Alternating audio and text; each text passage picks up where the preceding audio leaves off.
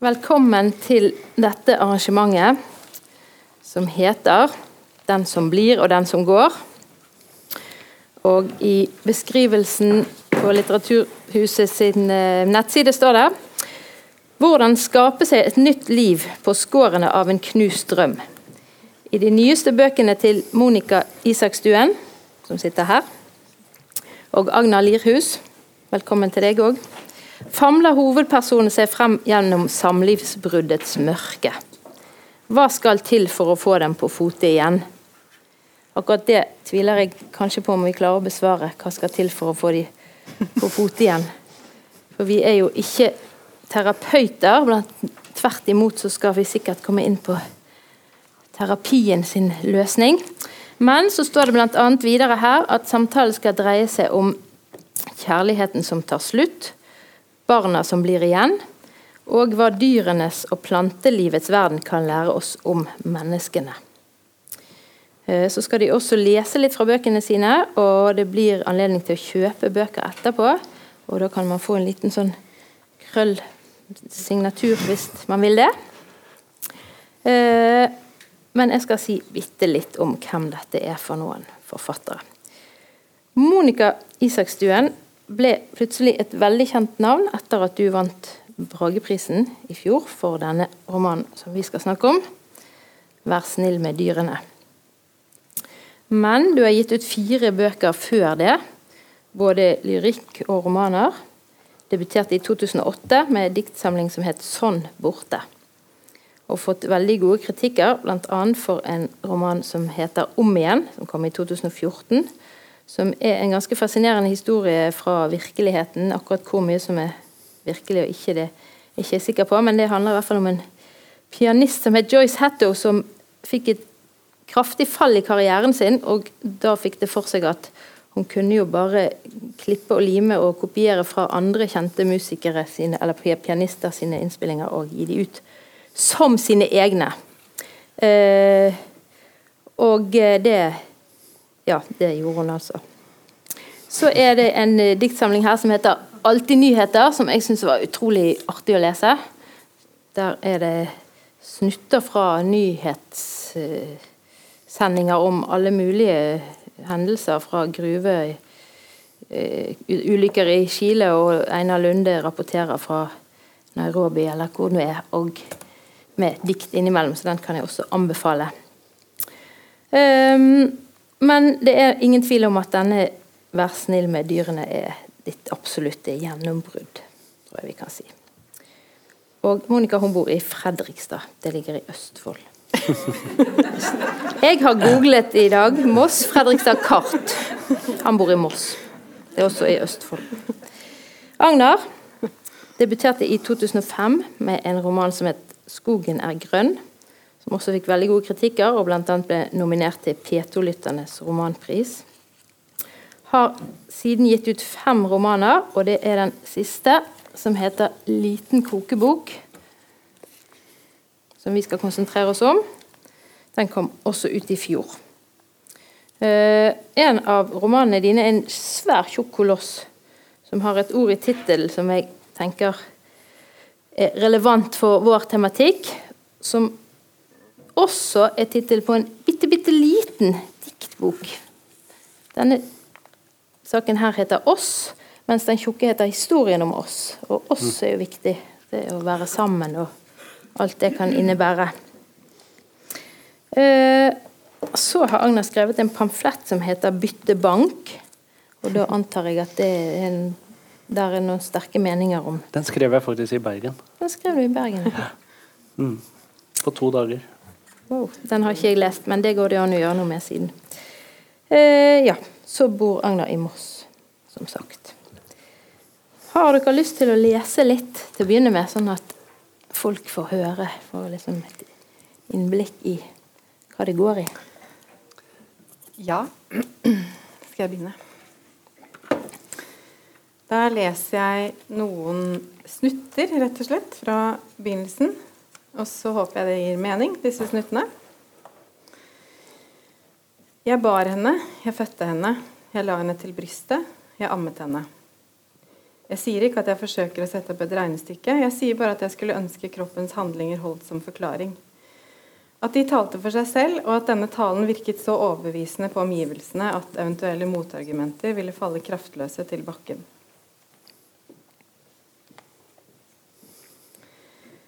I lang tid etter at jeg hadde flyttet fram, fortsatte moren min å foredra i nåtidsform som om prosessen var reversibel.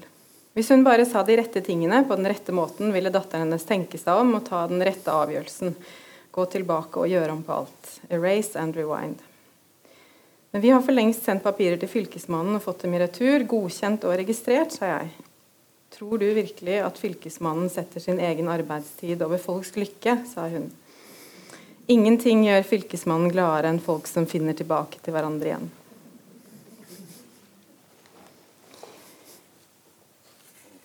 Meitemark som deles i to, spreller videre. Av den grunn kan man forledes til å tro at begge delene vil overleve. Men i virkeligheten er det slik. En halv meitemark spreller så lenge det er næring i den. Den i Ørska framforhandlede samværsavtalen ble festet til tre fylkeskommunale A4-ark. Jeg stirret uforstående på hånden som skriblet dem ned i påsyn av Annas far og mekleren fra familievernkontoret. Fingrene mine forrådte meg Signerte alt de ble bedt om å signere, lot som om de tilhørte en moderne kvinne. Takk skal du ha. Takk.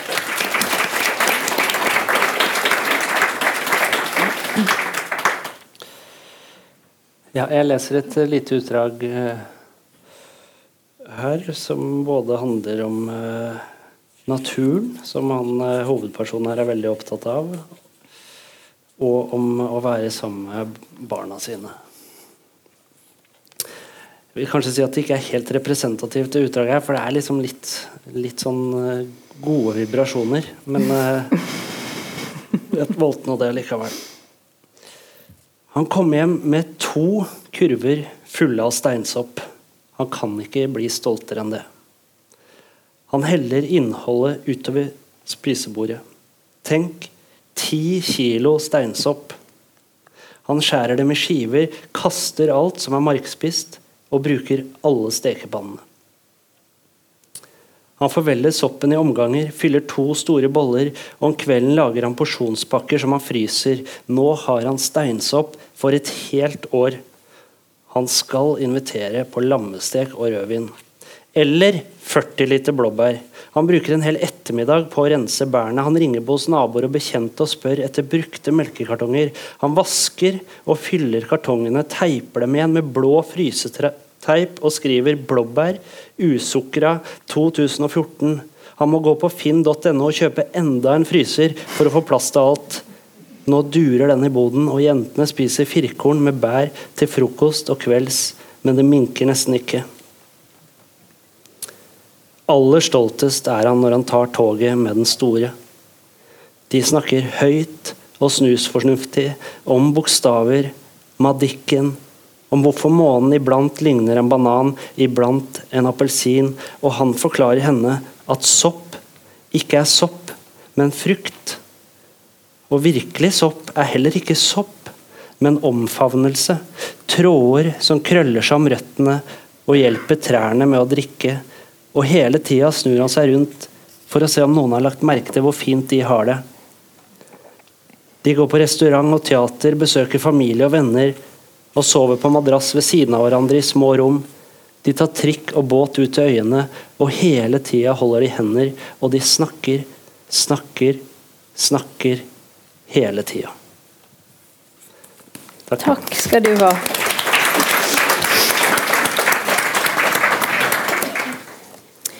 Ja, vi har altså å gjøre med to bøker som til dels har samme tematikk. Det er den vanskelige kjærligheten. Og når den tar slutt, så er det det vanskelige eh, skilsmisseforeldreskapet, særlig da, med, med annenhver uke omsorg for barn. Og, og, det som det innebærer. Eh, sånn hvordan bøkene er å lese, så er de likevel ganske forskjellige, syns jeg. Eh, begge er riktignok bygget opp av ganske korte tekstsnutter, som vi nå har hørt. Eh, så det er sånn glimt og, og brudd mer enn det er én sammenhengende historie med en konflikt som folder seg ut, og så får en løsning, eller, eller ikke får en løsning. Um, så det, det er um, sprang mellom fortid og nåtid i begge. Det er også en klar forskjell at uh, Monica sin bok har en jeg-forteller, Karen, uh, som forteller om sitt eget liv, mens i, i Agner sin bok er det et han. Han har vel ikke noe navn, har han det? Nei. Nei. Eksen har et navn, men ikke han. Eh, og så er stil ganske ulik. For i 'Vær snill med dyrene' så er det en ganske sånn tøff, litt sånn streetwise eh, eh, Det er ganske sånn utagerende energi i denne personen, og da også i, i eh, fortellingen. Det er liksom litt tramping og roping og smelling med dører. Sant? Både i, i bruddet, men også i, i personligheten hennes. Um, og der, der, er det litt sånn ekkelt i begge bøkene, må vi kunne si. Uh, spesielt en scene fra barndommen til Karen der hun mishandler snegler og insekter og sånn. Uh, meitemakkene har jeg allerede nevnt, og det fins i begge bøkene. Der er mye sånn kravling. I, i Liten kokebok er det også en del, eh, særlig litt utover ekle drømmer og hallusinasjoner nesten sånn mm. fantasier. Uh, men jeg tenker at uh, det er ikke noe sånn denne tøffe uh, damen i 'Vær snill med dyrene' det er absolutt ikke noe sånn ufølsomhet. Snarere er det en veldig sårhet som ligger under der. Og jeg tenker òg at det er ganske ærlig og ganske modig å, å skrive sånn såpass eh, eh utleverende på en måte. Eh, det er rampete og deilig og morsomt, men det er òg veldig sårt. F.eks. sier hun eh, om dette bruddet, da, om denne datteren Anna som er en uke hos hver. Så sier hun jeg vet, jeg vet, jeg vet, det er ingen konkurranse, men jeg vil vinne den. Likevel. Liksom. Um, og så er det en god del innklipp av andre tekster. Det er masse sanger der. Der er dette terapispråket. Der er masse TV-program og film. Jeg må bare spørre helt kort til å begynne med den filmen som er helt utrolig ekkel der når folk blir lastet inn i en sånn jerngreie og, og det blir fyrt opp under. Mm. Er det en virkelig film? Ja, det er en scene fra en eh, Røy Andersson-film, faktisk. Han har laget en kortfilm også av den sekvensen, så den finnes. Ja, den var ganske mm. Den skal jeg ikke se, for å si det sånn. Den skrev jeg faktisk litt for at jeg måtte få den ut av systemet, så det var ja, det, det er, ja. Lempe den over på noen andre. Mm. Um, men alt i alt så er det jo det vi må kalle en urein tekst, syns jeg. Uh, en av de sekvensene som en del kritikere har nevnt, det er dette fra Salomos, uh, altså kong Salomo, som de av dere som er over sånn 45 kanskje kjenner. Eh, med, kanskje du kan fortelle den fra Bibelen òg, når de barn, eh, to kvinner kommer til kong Salomo? Ja, jeg husker det veldig godt. Jeg hadde en venninne som var Jehovas vitner. og de, Denne fortellingen er da fortalt med veldig flotte tegninger. og Da er det to kvinner som bærer et barn framfor kong Salomo. Den ene er barnets mor, og den andre er det ikke. Og så, si, og så, krangler de fælt, og så sier han greit, men da tar vi og så bare deler vi det i to. Og Så trekker han opp en sabel og så gjør han seg klar til å dele barnet i to, holder det i en fot. Og Da roper en av kvinnene nei, nei, nei, ikke gjør det, gi det til henne. Og Da sier han selvfølgelig at ta det, det er du som er barnets rette mor. Til hun som roper, da. Mm. Eh, men dette blir jo ikke helt overførbart på en biologisk mor og en far, for så vidt. Eh, der er det jo en kvinne som har stjålet et barn, og en kvinne som er mor til et barn, men det er, det er jo et bilde hun Karen finner eh, en slags trøst i, da. Mm. Det er noe med brutaliteten, tenker jeg, som mm. er, er overførbar. Og, og, der er jo noen andre scener òg, bl.a. det som kanskje er hjertet i boken, denne nissescenen i barnehagen. når ja, Den kan vi komme tilbake til. Minn meg på det hvis jeg glemmer det. For Jeg skal si litt eh, om eh, eh stilen i, i, Liten kokebok. Den er, der er det mye mer ett stilnivå. Den er veldig, veldig sanselig. Det er enormt masse mm, beskrivelser og sanseinntrykk, og alle disse eh, dyrene, plantene, soppene eh, som hovedpersonen både henter, sanker, planter og driver frem sjøl. Sylter og legger ned og sånn. Eh, og, og jeg tenker at det er veldig Altså, det er veldig sånn Nå skal jeg si noe teit. Når jeg holdt på å lese den, og så hadde jeg lagt den fra meg, så når jeg tok den opp igjen, så hver gang så trodde jeg at den var på nynorsk. Fordi at det var liksom det jeg forbandt med så lyrisk eh, språk. Men det er noe veldig sånn Det tar jeg tar det som et kompliment, faktisk. Takk for det. Men setningene er ofte veldig korte og ikke masse bisetninger. og sånn. Jeg fant én side, jeg skal bare lese noen. Eh, vinden blafrer i gardiner, panna er varm og klam. Det er datteren som er syk. Eh, han henter laken og en skumgummimadrass. Hun er svett. Eh, han legger hånda på kinnet hennes. Hun klatrer ut av senga. Pusten fukter huden. Det er slutten på en sånn. Nå leste jeg noen setninger litt sted her. Men eh, det gir en helt annen eh, leseopplevelse, da, tenker jeg. Eh, mye mer hviskende, mens den 'Vær snill med dyrene' er mer sånn ropende. Jeg, jeg kan godt si litt om uh, uh, hvorfor. Eller Ja. jeg, jeg, jeg vet ikke om jeg egentlig hadde noen plan om at det skulle være sånn, men eh, det har noe med hvordan den er skrevet å gjøre. fordi at uh, den er egentlig skrevet gående, eller ute, i hele boka. Fordi at det hadde skrevet den kolossen som du refererte til. Så stoppa det helt opp. Jeg klarte ikke å skrive noe mer. Jeg følte liksom jeg hadde gått, uh, gått hele lengden ut da, med liksom sånn uh, frag, altså, forskjellige formtyper som sto opp mot hverandre, og, og masse liksom allegoriske nivåer osv. Uh, så, så jeg klarte ikke å skrive mer, og så til slutt så bestemte jeg nå skal jeg gå ut en runde hver dag, og så skal jeg skrive alt som faller meg inn. Og du skriver jo ikke så veldig mange, lange setninger når du går og skriver i en bok. Bare på mobil eller på pennepapir? Nei, i en notatbok. Og så er det jo også sånn at mange av de mer eh, sansende tekstene er jo på en måte reelle sansninger. Og så har jeg bygd liksom ut historien litt sånn i etterkant og fylt inn der hvor det mangla ting osv. Men den stilen kommer nok av selve den Det å gå og skrive, tror jeg. Interessant. Kan jeg spørre om en ting òg med alle disse eh, enormt mange plantene, særlig kanskje. Var det sånn som du hadde present i hodet, eller er det sånn du har gjort research på bevisst? Det har jeg gjort eh, Altså, jeg, jeg begynte å skjønne at jeg kom til kort. Jeg bor jo på et sted med veldig mye forskjellige arter. På Jeløya utafor Moss. Det er et sånt uh, ganske spesielt sted, for det er så varmt der. Og, uh, så det er masse arter som overlever der om vinteren, for det, liksom, det blir aldri, nesten aldri frost der. Så jeg, begynte, altså jeg, begynte, jeg skjønte at det, det er egentlig også en altså verna område, men, men det jeg gjorde til slutt eh, når jeg begynte å komme til kort, var at jeg plukka med meg alt hjem. Og så satt jeg med sånn, sånn der flora og så jeg, jeg, altså Det høres veldig imponerende ut, men det kan jo godt hende mesteparten er feil. For jeg har jo ikke hatt en biolog som har sett det, eller hva man kaller det. Zoolog? Nei, biolog. Ja. Florog? Jeg vet ikke. En flora. Han snakker jo på et punkt om at han skal skrive en privat flora. er det vel det han sier? Ja, det er kanskje en privat flora. Ja.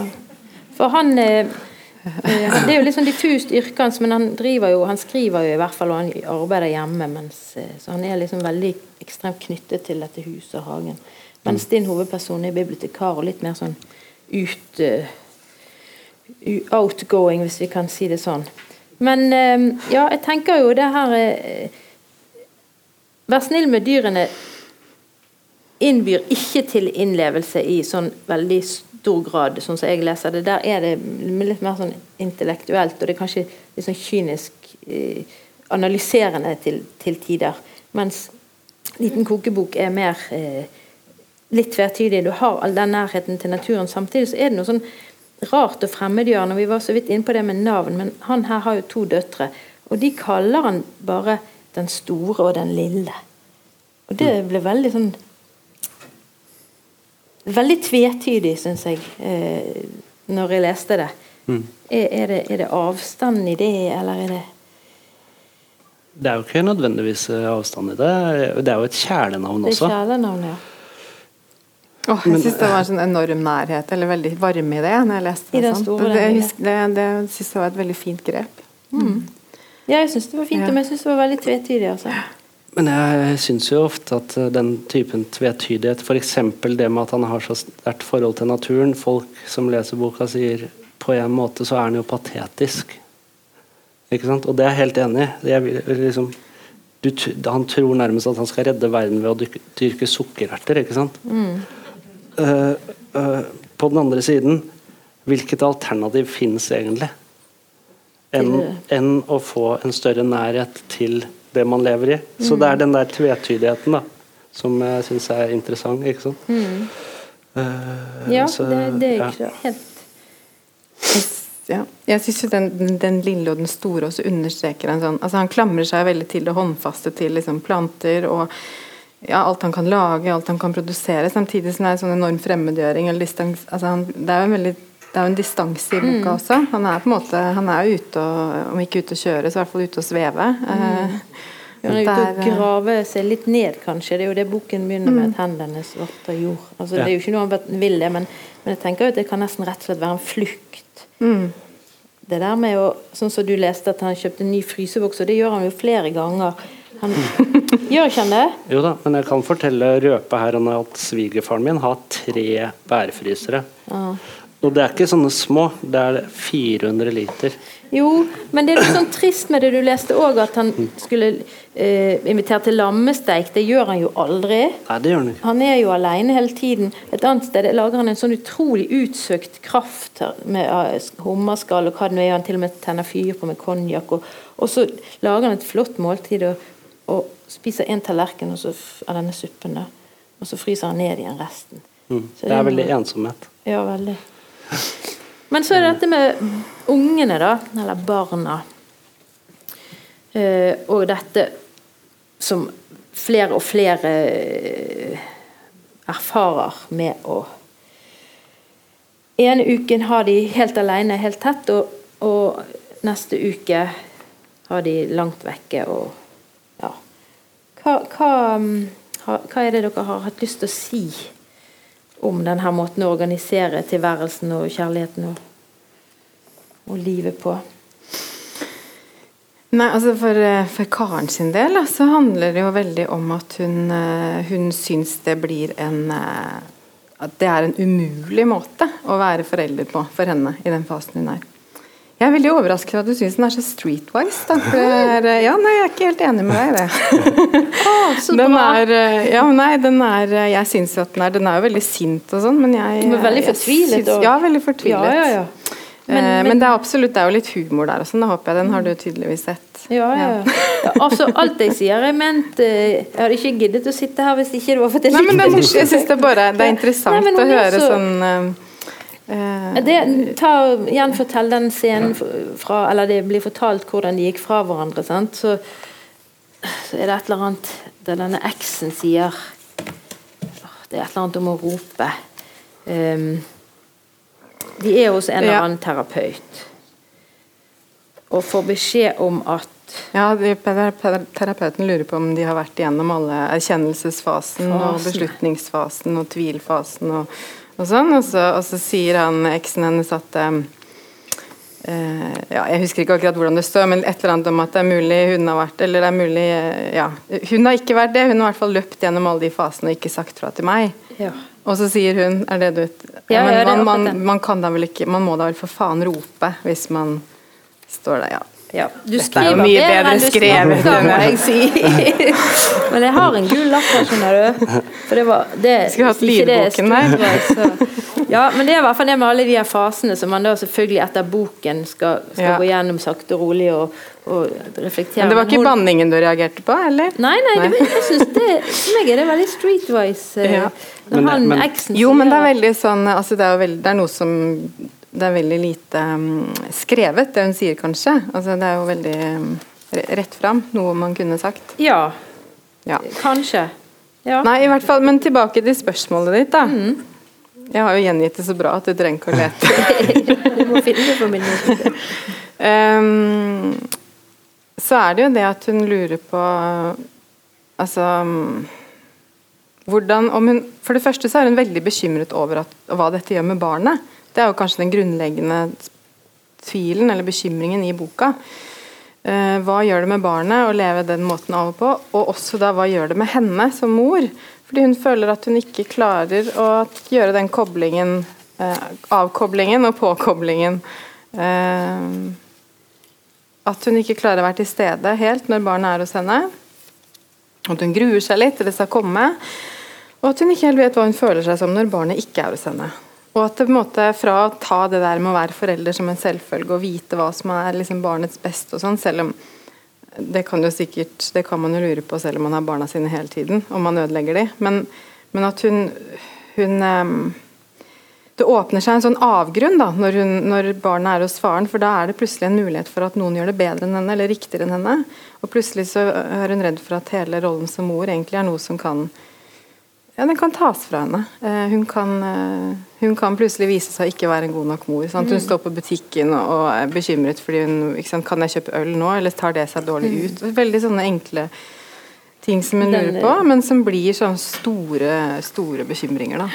Jeg syns den er veldig Lite, fin. For veldig, sånn... roper jo ungen etter at det der har jeg spist hos pappa, og da ser, skjønner hun eller da tenker ja. hun at nå skjønner alle at jeg er alenemor, eller sånn. Ja. Og den der skammen. og Mammaskamma var det et eller annet i Klassekampen, var ikke det intervjuet mm. som var så det er jo en sånn selvfølgelighet og naturlighet som forsvinner for henne, mm. og som gjør det veldig gjør alt veldig uoverkommelig. Mm. Så hun der hvor din navnløse hovedperson er veldig handlekraftig på en måte, og samler og sanker og sånn, så er jo dette mennesket helt uh, ja, Det er mange bloggere for eksempel, som har vært veldig sinna på hun og synes, nei, hun må ta seg sammen. Sånn var ikke jeg da jeg ble skilt. Og, De er sint på ja, karen. Sint på karen og syns at hun syns for synd på seg selv. Og at hun øh, Hvis du har et barn, så må du tenke på det barnet, liksom. Ja, det er jo greit. Hvor langt kommer vi med det? Hva syns du er du Nå skal ikke vi knytte sånn veldig tette bånd mellom forfatter og, og person og sånn, men, øh, men øh, jeg føler jo at det er en sympati at du stiller deg bak en del av hos Karen sin kritikk mot f.eks. Ja, ja. terapispråket. Kan, kan ikke du si noen av de ordene? Kontaktflate og satt Nei, hva var ikke Transittfase. Transittfase, ja. Konstruktiv oppvekstprosess og sånn. Uh, dette er jo altså Jeg har jo selv vært på familievernkontoret, og ikke, altså har, disse ordene har jeg jo funnet på, uh, og kost meg veldig med å funne på de. For det er jo en slags hevn over et språk som jeg det er et språk som er nødvendig for oss. Vi trenger det gjennom noen prosesser. Det er der dette offentlige språket som skal gjøre noen ting lettere. At man skal liksom skyfles gjennom alt fra ja, barnefordeling til, til en begravelse. Eh, men når du er midt oppi det, så oppleves det også som ganske sånn fremmedgjørende. Mm. At de følelsene som er på innsiden, dette voldsomme raseriet og sorgen, blir møtt med et språk hvor alt er veldig konstruktivt. Dette mhm. skal vi få til, og dette er Sånn gjør vi det i 2016. Eh, så det gjør det bare verre for henne. Mm. Bare en liten replikk til det. Mm.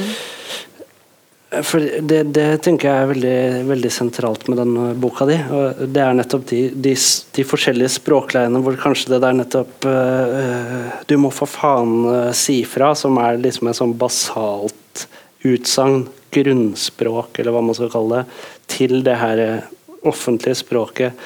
Og Hvis vi da sammenligner det med det, den grunnholdningen hennes med at jeg er ikke en moderne mor. Ikke mm. sant? Jeg, eller jeg er ikke et moderne mm. menneske, jeg er en mor. De, det båndet, eller liksom Så tenker jeg at du viser fram noe, noe om, om, den derre eh, måten samfunnet hele tiden bytter ut ord. Mm. Så sett man, man, har kanskje si man har liksom da i utgangspunktet et ord som hører til en ting. Eh, som hører til en følelse, altså en stol. Og så, hvis vi da kommer med et nytt ord da, som heter liksom kubbe, at mm. det her er kubbe, og så mm. kommer det et nytt ord som er litt sånn mer sånn fagaktig akrobatikk. Mm. Og så er det, det virker Det er liksom noe i, i tida noe i samfunnet vårt som har en tendens til å liksom løfte alt vekk fra det det egentlig mm. handler om. Og som skaper veldig sterke forventninger og føringer da, til hvordan man skal reagere i en gitt mm. situasjon. Jeg er jo lærer også, så jeg vet veldig om hvordan det der liksom offentlige mm. kommer med sånne nye ord hele tida. Jeg snakket med en lærer i går, og hun sa hadde, Vi snakket om det, for dette er jo alles på alle nivåer. Det, her, det er jo sånn byråkratisering og, og, sånn, og det er jo morsomt, men samtidig er det jo egentlig dypt tragisk. For det er jo ikke bare ord, det er jo faktisk virkeligheten rundt oss. Men hun læreren sa at de hadde fått noe annet løypemelding. Det var det som før het underveisevaluering og sånne ting. Så det skifter jo helt Skimetaforen der, altså. Ja, Men jeg har også vært på familievernkontoret Eh, og der var hovedmetaforen bankinnskudd.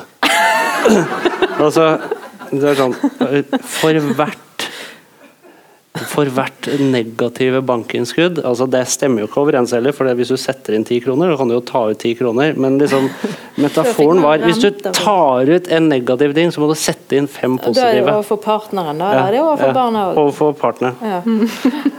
ja. og så iblandet det her instrumentelle, byråkratiske Eh, måten å håndtere det på, så er det jo også noen veldig sånne sentimentale ting som du hadde med, med dette her diktet som de hadde lest, eh, for, og 'størst av alt er barnet'. Liksom. Mm. Det, det, er noe veldig sånn klamt over dette, som jeg syns dere får eh, Eller kanskje særlig den mest direkte. da. For dette han eh, din nå er barnet i 'Vær snill med dyrene', der er det bare ett barn, hun heter Anna. Det er vel ingenting som tyder på at hun ikke har det bra, tross alt. Jeg tror hun har det ganske bra. Ja. Et ganske normalt barn. Så det, ja. henne blir vi jo egentlig ikke så veldig godt kjent med. Nei. Mens i Liten kokebok så er det jo Det er ikke noe sånn stort plott, men det er jo noen antydninger og hentydninger om at kanskje de De er veldig mye syke, syns jeg, de barna, hele tiden. Og så er det, mm. er det dette at her er det også Denne ekskonen har fått en ny mann.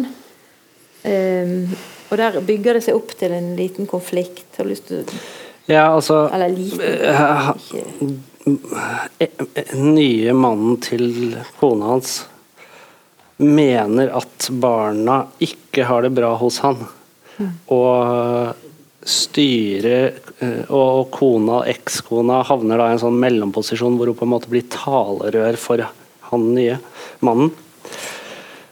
Og, han, eh, og, de driver og presser den der samværsordningen og, og så videre. Så, så, det er jo ting som de, de, har det jo ikke bra med.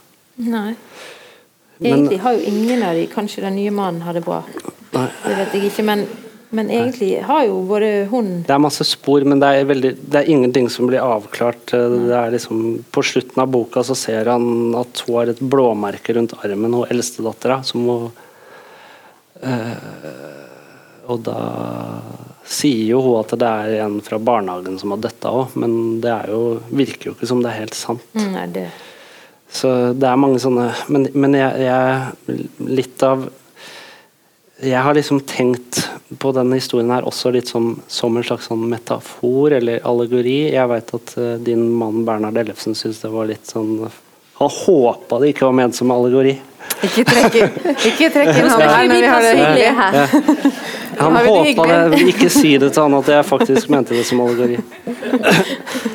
Men jeg har tenkt en del på alt, alt det liksom hverdagslige som foreldre gjør for barna sine. Altså De kan liksom eh, nærmest eh, våke døgnet rundt for å få kjørt dem på fotballtrening og hjelpe dem med lekser osv. Men de store, grunnleggende tinga, altså hvordan verden kommer til å være om 50 år, det bryr de seg ingenting om. Så jeg tenker litt sånn Det han har gjort, hvis man ser på det som en sånn metafor, da, det er at han har gjort noe på et tidspunkt. altså la oss si det, Jeg har ikke gjort noen ting for at det, det skal gå bra med verden. Det kommer jeg til å få konsekvensene av om 20 år, og jeg kan ikke gjøre noen ting da. Da er det for seint. Så tenkte jeg Fortellingen er litt sånn Ok, du sa nei takk til å være sammen med barna dine hele tiden. Nå har du mista kontrollen. Du kan ikke vite hva som skjer når barna dine er sammen med de det, det, har du ingenting med å gjøre. Du mm. kan ikke styre det. Så det er rett og slett en jeg, jeg prøvde liksom det, Den klassiske eh, naturmetaforikken i litteraturen er jo at naturen er et bilde på menneskene. Men, men det jeg ville prøve å, å, skrive, var at menneskene var et bilde på naturen.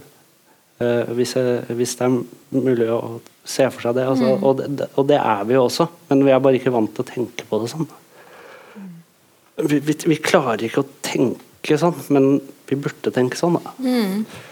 Ja, for jeg eh. tenkte nok mest i den uh, tradisjonelle barn Ja. når jeg leste det. Ja. Jeg, uh, første gangen jeg leste boken, så reflekterte ikke jeg så veldig over det med, med naturperspektivet. Uh, Da tenkte jeg at det handlet mest om en, et menneske som var igjennom, levde gjennom noe vanskelig. Og det her eh, der er jo noe veldig flotte Et av de som har vært trukket frem i, i anmeldelsen, sånn er det her de sier at eh, hvis Hvordan blir det? Hvis eh, de ser på havet og en sånn rosa boie som ligger uti der, og så sier de at hvis all plast i havet altså plasten i havet er gjennomsiktig. Hvis all plasten hadde vært rosa, så hadde hele havet vært like rosa som den boien der. Og det ble for meg sånn her Wow, det, det, Ja. Da, det smalt litt. Mm. Samtidig så, så tenkte jeg jo òg på en sånn tradisjonell tolking at eh, ja, det som er under overflaten, det er jo det vi ikke snakker om av følelser og sånne ting. og hvis, hvis alle, For det, han her snakker jo veldig lite om følelser.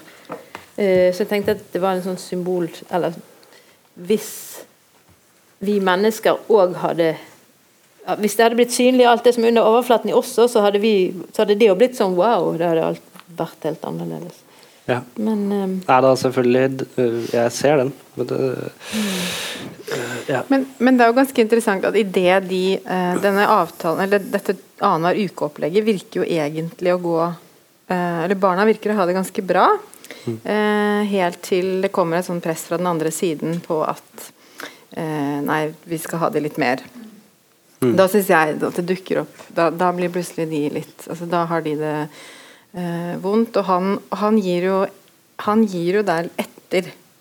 Ja. Og jeg, der tenkte jeg der, der begynner jeg å skjønne den metaforen din litt. At det blir en, for meg så handler det litt om at han bare da Jeg vet ikke. Han bare, bare Ja, det er natur. Det er noe som ikke kan Han, han eh, Men der er jeg jo helt ikke. lik, veldig lik scene, for begge gir jo etter. Han skriver under på en sånn kontrakt mot slutten som denne ek, eh, nye mannen til eksen har eh, utformet. da. Eh, Veldig sånn motvillig lager han en krusedull. Og din hovedperson skriver jo òg under motvillig på denne avtalen som innebærer at eh, Eller i hvert fall Jeg husker ikke helt hvordan det var, men om var mer eller mindre bevisstløs, for det var alt kaos og sånn. Og så etterpå så, så kommer de Så det er jo noe med altså de kravene som kommer fra samfunnet i form av kontrakter. Og De griper ganske dypt inn i, i enkeltmennesket. Men er du, syns du det er slitsomt at, folk, at vi leser den som en skilsmisseroman? At vi er så begrensa i hodene? Nei da. For det, er det var jo sånn jeg, det, Første gang jeg leste den, så tenkte jeg faktisk litt eh, det her, Nå må du tilgi meg og sånn, men jeg tenkte, da tenkte jeg at dette her er litt fra den andre siden, tenkte jeg. Dette her, her er det mannen her er det, Eller her er det en annen Ja, her er det stemmen fra Og en annen situasjon og, og en annen måte å håndtere det på. Men jeg Sånn leste jeg det. Um, og så snakket ja, vi sammen, og så skjønte jeg at det også fantes flere måter å lese det på. Da. Og jeg ser jo det, men, Men jeg, det jeg tenker jeg, I og med at det er såpass mye sånne sansninger, direkte kontakt uh, av, av nettopp det her natur... natur eh, eh, tingene, så tenker jeg det, det er jo nettopp fordi at at det er hele grunnlaget, det er hele fundamentet, og det er det han eh, Det er det, det, er det han eh, Han agerer sammen med barna oppi det. Han klarer, altså det er nesten ingen scener hvor han ikke agerer sammen med barna i, de, i, de, i den settingen der. Mm. og jeg tenker på det der med bånd som vi snakka om, som du sa, jeg, eh, eller som står i boka di, jeg er ikke en moderne mor, eller er det ikke det det står? jeg er ikke en moderne kvinne. Moderne kvinne. Hvis det å være moderne er å ikke ha noen bånd, Mm. da har den moderniteten vært fullstendig bortkasta. Ikke sant? Fordi at Ja. et, et, altså det er greit, det er mange bånd som man gjerne skulle slite over da moderniteten kom. Altså det var mange bånd som var lite konstruktive, men hvis man da sitter igjen med ingen bånd, da, har- da har man jo ingenting, da. Og, og jeg tror faktisk at mange opplever det sånn. Jeg Ja, tror jeg mange føler det- det at, at man ikke har noen bånd, og man vil ha noen bånd. Og, og, og, det, og det merker jeg, og det ligger jo også i min bok. at nettopp Det der, det er, det er jo det den ensomheten er. Det ville ikke hjelpe han å ringe noen og komme og spise den suppa, liksom. Fordi han har, ikke- klarte ikke å få noe bånd til det uansett. Ja, men han kunne jo prøvd. Det var noe med Ja, men, ja fordi de snakker jo et sted For han, han, gjør jo alt, han gjør jo alt veldig riktig, han her. Sant? Han er jo eh, Han har kontakt med eksen, de går turer, og eh, de spiste middag Eller hun kom der og spiste middagen.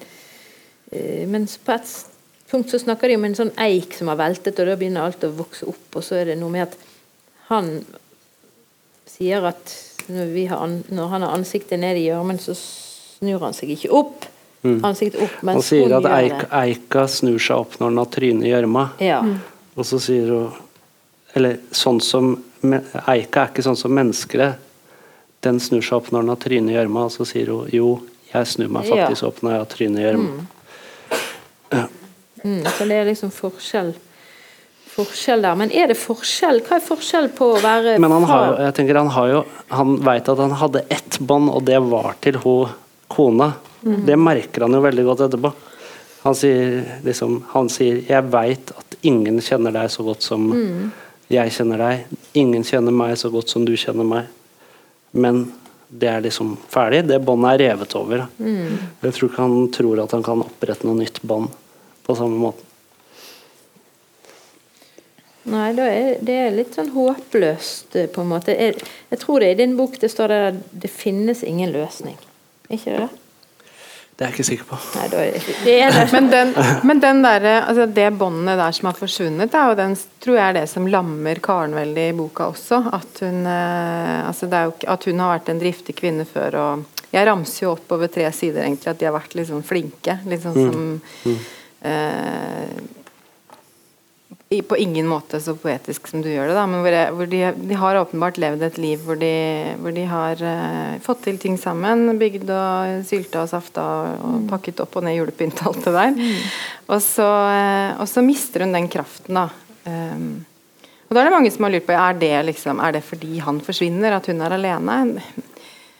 Nei, eller ja. Det, ja, det er først og fremst fordi at hun mister den altså, tryggheten hennes som mor for Anna, og, og kanskje hele festet hennes til verden, i hvert fall for en kort tid, da, her borte. Mens båndet til eh, Anna er for sterkt, på en måte. Da. Altså, hun klarer ikke å, å gi det der slekket på navlestrengen, sånn at det Nei, og så står det ikke sant, Det å være moderne, da. Hun, det er jo, hun ser jo at mange rundt seg lever greit på denne måten. Og eh, har, tenkt at, eh, har sikkert tenkt selv at det kan hun også gjøre. Men så blir hun stilt overfor det, og så merker hun at dette er jo altså, Det er jo enormt mye skam som ligger i det også. At hun ikke Ja, ja.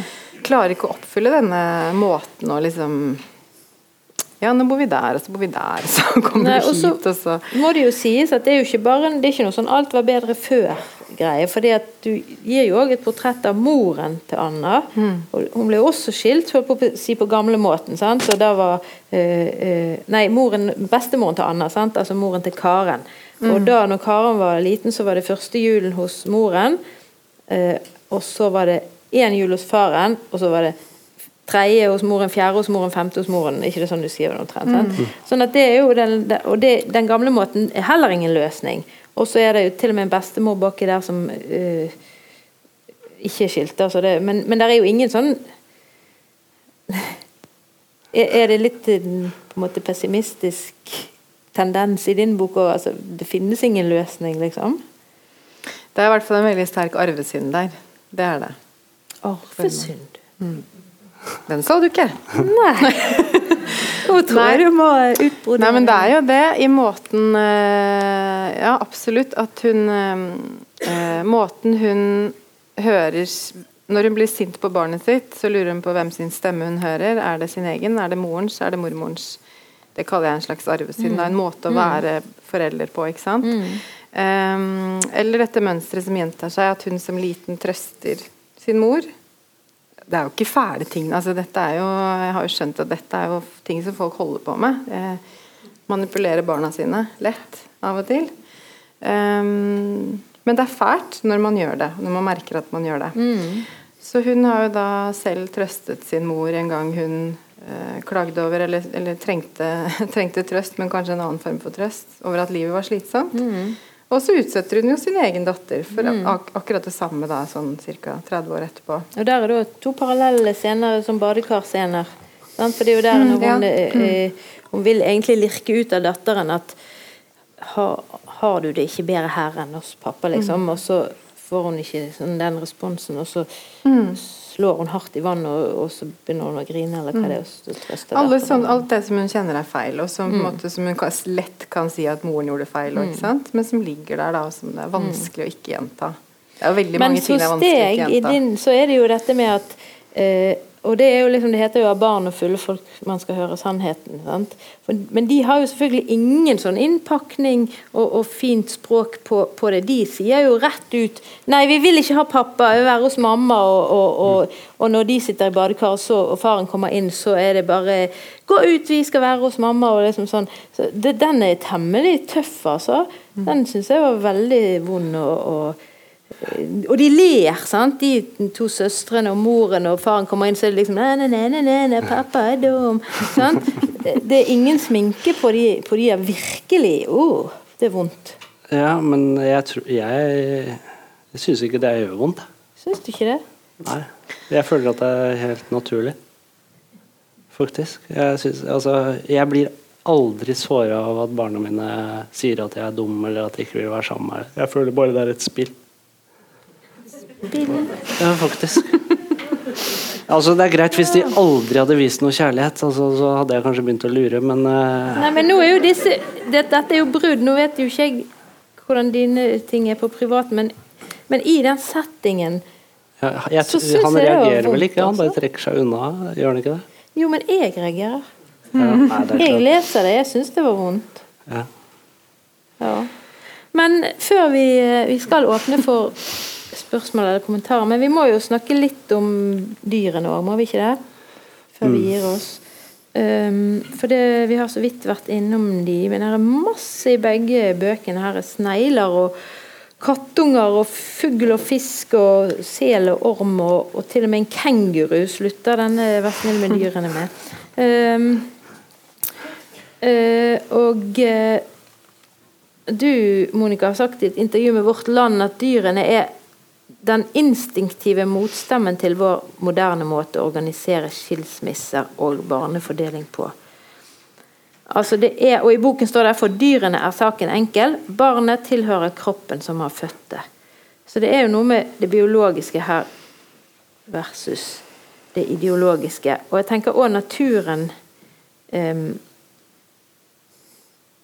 altså Det er ikke noen enkle sånne linjer der du kan organisere det ene på ene siden og det andre på andre siden. For naturen er jo òg veldig sånn Det er jo både livet og disse her eh, alt som vokser og gror, men det er òg denne mm. forråtnelsen. Steinsoppen og alt som bryter ned og, og mm. lukter og sånn. Så, så, der eh, Det finner vi i begge bøkene. Eh, blant annet med dyrene. For eksempel skal vi snakke om rottene. Begge har rotter. Har jeg rotter? Ja. Da kan du begynne. Vi har jo dette eksperimentet. Ja. Uh, ja, altså Grunnen til at de dyrene, eller at Karen bruker jo disse dyrehistoriene for å delvis lene seg på dem og, og finne trøst i dem, men også tror jeg for å se uh, Noen steder er det jo ikke trøstende i det hele tatt. I rottehistorien er det jo ikke det. Mens andre steder handler det om dyre mødre som faktisk klarer å slippe ungene sine. Sant? Kattemødre og sånn. Og selen da, som mm. svømmer av gårde. Men rotte, hun, hun, sitter på et legekontor og leser i et, et, magasin, et tidsskrift, om et forsøk som har blitt gjort i Sveits, hvor en rottegjeng, altså rottebarn, har blitt flyttet fram og tilbake mellom to esker over en, en, en ukes periode. For å etterligne den måten barn lever på, da. Uh, og uten foreldrene sine. De har bare flyttet frem og tilbake mellom to esker som ligner ganske mye på hverandre. Og så, uh, og så, slutt, så drar hun hjem, og så, hun er ikke helt fornøyd, men hun synes det liksom, får ikke helt svar på hvordan eksperimentet egentlig har sluttet. Så hun googler og kommer inn på det sveitsiske universitetet sin nettside, og, så, og, der står det noen linjer om at um, etter en uke så ble de gjenforent med moren sin av disse rottungene. Og da gikk det bare et par dager, og så fant de moren oppspist ved matskålen. Og så er det en forsker da som liksom litt sånn lakonisk uttaler at eh, hva, hva som ser ut som hevn, trenger ikke å være hevn. Ja. Jeg må jo spørre, er det sant? Nei. Søren, jeg skulle ikke spurt om det. Jeg synes det var veldig bra. Ja, det var troverdig. Det trodde jeg var sant. Ja, det, det startet jo eh, Mye av det, disse dyrehistoriene er jo Eller det starter egentlig med sannhet, og så blir det, baller det på seg utover Altså, du i boka. begynner med noe du Kattunger og sånn er jo riktig. Og ja, det baller på seg utover i boken, ikke utover i hver enkelt dyre... Nei, det er noen av dyrehistoriene som er sanne, særlig de i starten. Ja. Og en fisk og sånt. Ja, Men så kenguru, er jo kenguru, litt- ja, den er Det skjønte til og med jeg at det var, det var litt for mye. av det. Mm. Det, det handlet jo bare om at jeg ikke fant det jeg ville, og så måtte jeg lage min egen variant. Men det er jo veldig interessant måten hun på ene siden avskyr det her terapispråket, og Mm. samtidig leser jo alt. Om du sier det er både for trøst, men det er jo òg Men det er jo sånn. Ja, jo. men det er jo liksom Hun strør jo liksom salt i såret enkelte Mm. ganger på, på seg sjøl. Mm. Nei, du husket ikke rottene, du kom på det nå? Det er noen av disse Ja, øh, Jeg vet ikke om han ja. sover, men det er en slags drømmetilstand han er i, eller om han er i ferd med å gå i oppløsning psykisk, eller Ja. Men jeg tenkte øh, jeg, jeg, Det som jeg Du nevnte den private floraen i stad. Det som jeg syns er interessant med naturen, da, det er at vi har et sånn Eller dyr, natur osv. Vi har jo en idé om at det er en statisk størrelse. Vi har liksom kulturbegrepet på den ene siden, som er liksom det vi kan påvirke og være med å, bygge ut. Og så på den andre siden så har vi naturen, og det er en statisk størrelse. Det er jo bare en illusjon. Og det er det som er den bare mer og mer en illusjon. Jeg leste akkurat nå men når vi satt og spiste, at i Marianegropen så har de funnet rekelignende dyr som er fulle av PCB. Det er 11 km nede i havet. Men den private floraen hans er jo på en måte en fantasi om at når det referansegrunnlaget som vi tar for gitt nå, ikke fins lenger Altså hvis det vi bruker til å beskrive ting med, plutselig ikke fins lenger, som ikke er usannsynlig At på en måte snøballen har rulla én runde, hva slags beskrivelser er det vi har da? Det er jo noe helt annet.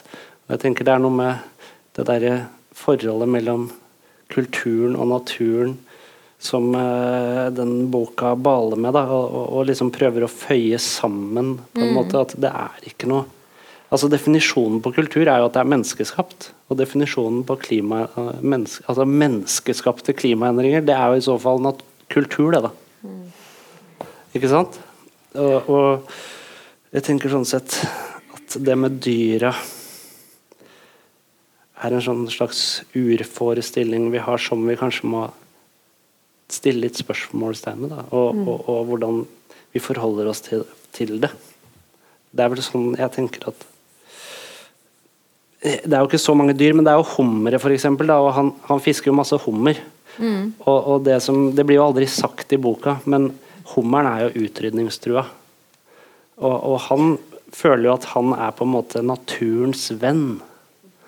Altså Han er liksom skikkelig et sånn naturmenneske når han kjører ut i kuling og slenger ut teinene og drar opp de liksom Alle syns jo det er liksom tøft. Og, ja, du er litt av en naturtype, liksom. Ta rogn. Men eh, ja, ta rognen og bare. Ikke sant? Og saken er jo bare at det er skikkelig rovfiske.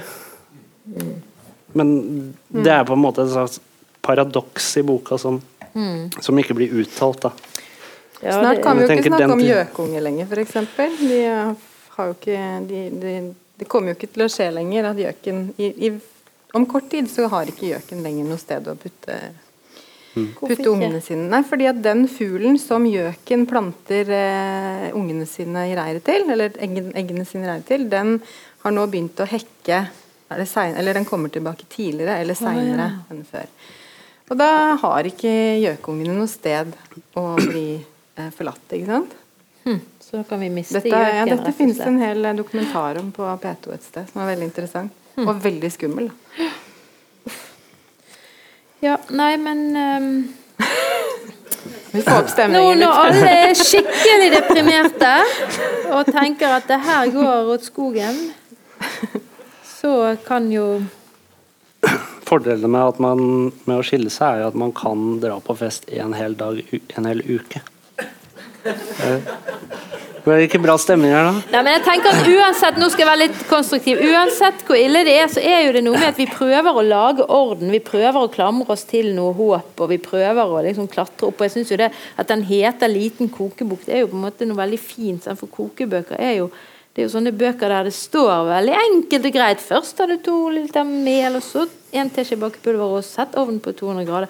Sant? Og, og Det er en illusjon, men vi gjør det jo likevel. Sant? Vi, Mm. vi har jo ikke så mye alternativ. Vi må jo prøve Nei, man må jo så det. vi kan. Mm. Ikke si noe Altså, annet. Den boken her er det noe veldig konstruktivt med. Han, fan, man får jo lyst til å lage ting. Ja. Det er mer enn jeg kan si om eh, den her. Men det er eh, ja, Nei, jeg syns, jeg, jeg syns de av dere som ikke har lest disse bøkene, bør absolutt gjøre det. Men hvis det er noen som har lyst til å si noe, enten det er om dyr, dele en koke og en oppskrift på syltetøy eller eh, eh, skilsmisse og sånn, så er det en mikrofon her. Da har jeg et lite sitat fra hver av forfatterne, så dere kan få med dere på veien hjem. Fra eh, et intervju i Moss Dagblad så sier Agner Lirhus Jeg mener vi mennesker har et helt forskrudd selvbilde når vi tror vi har svaret på alt. Og i det intervjuet som jeg tidligere har vist til i Vårt Land, så sier Monica Isakstuen det må være luft rundt fortvilelsen. Så tusen takk for oppmøtet. Gå ut med luft uten svar. Takk.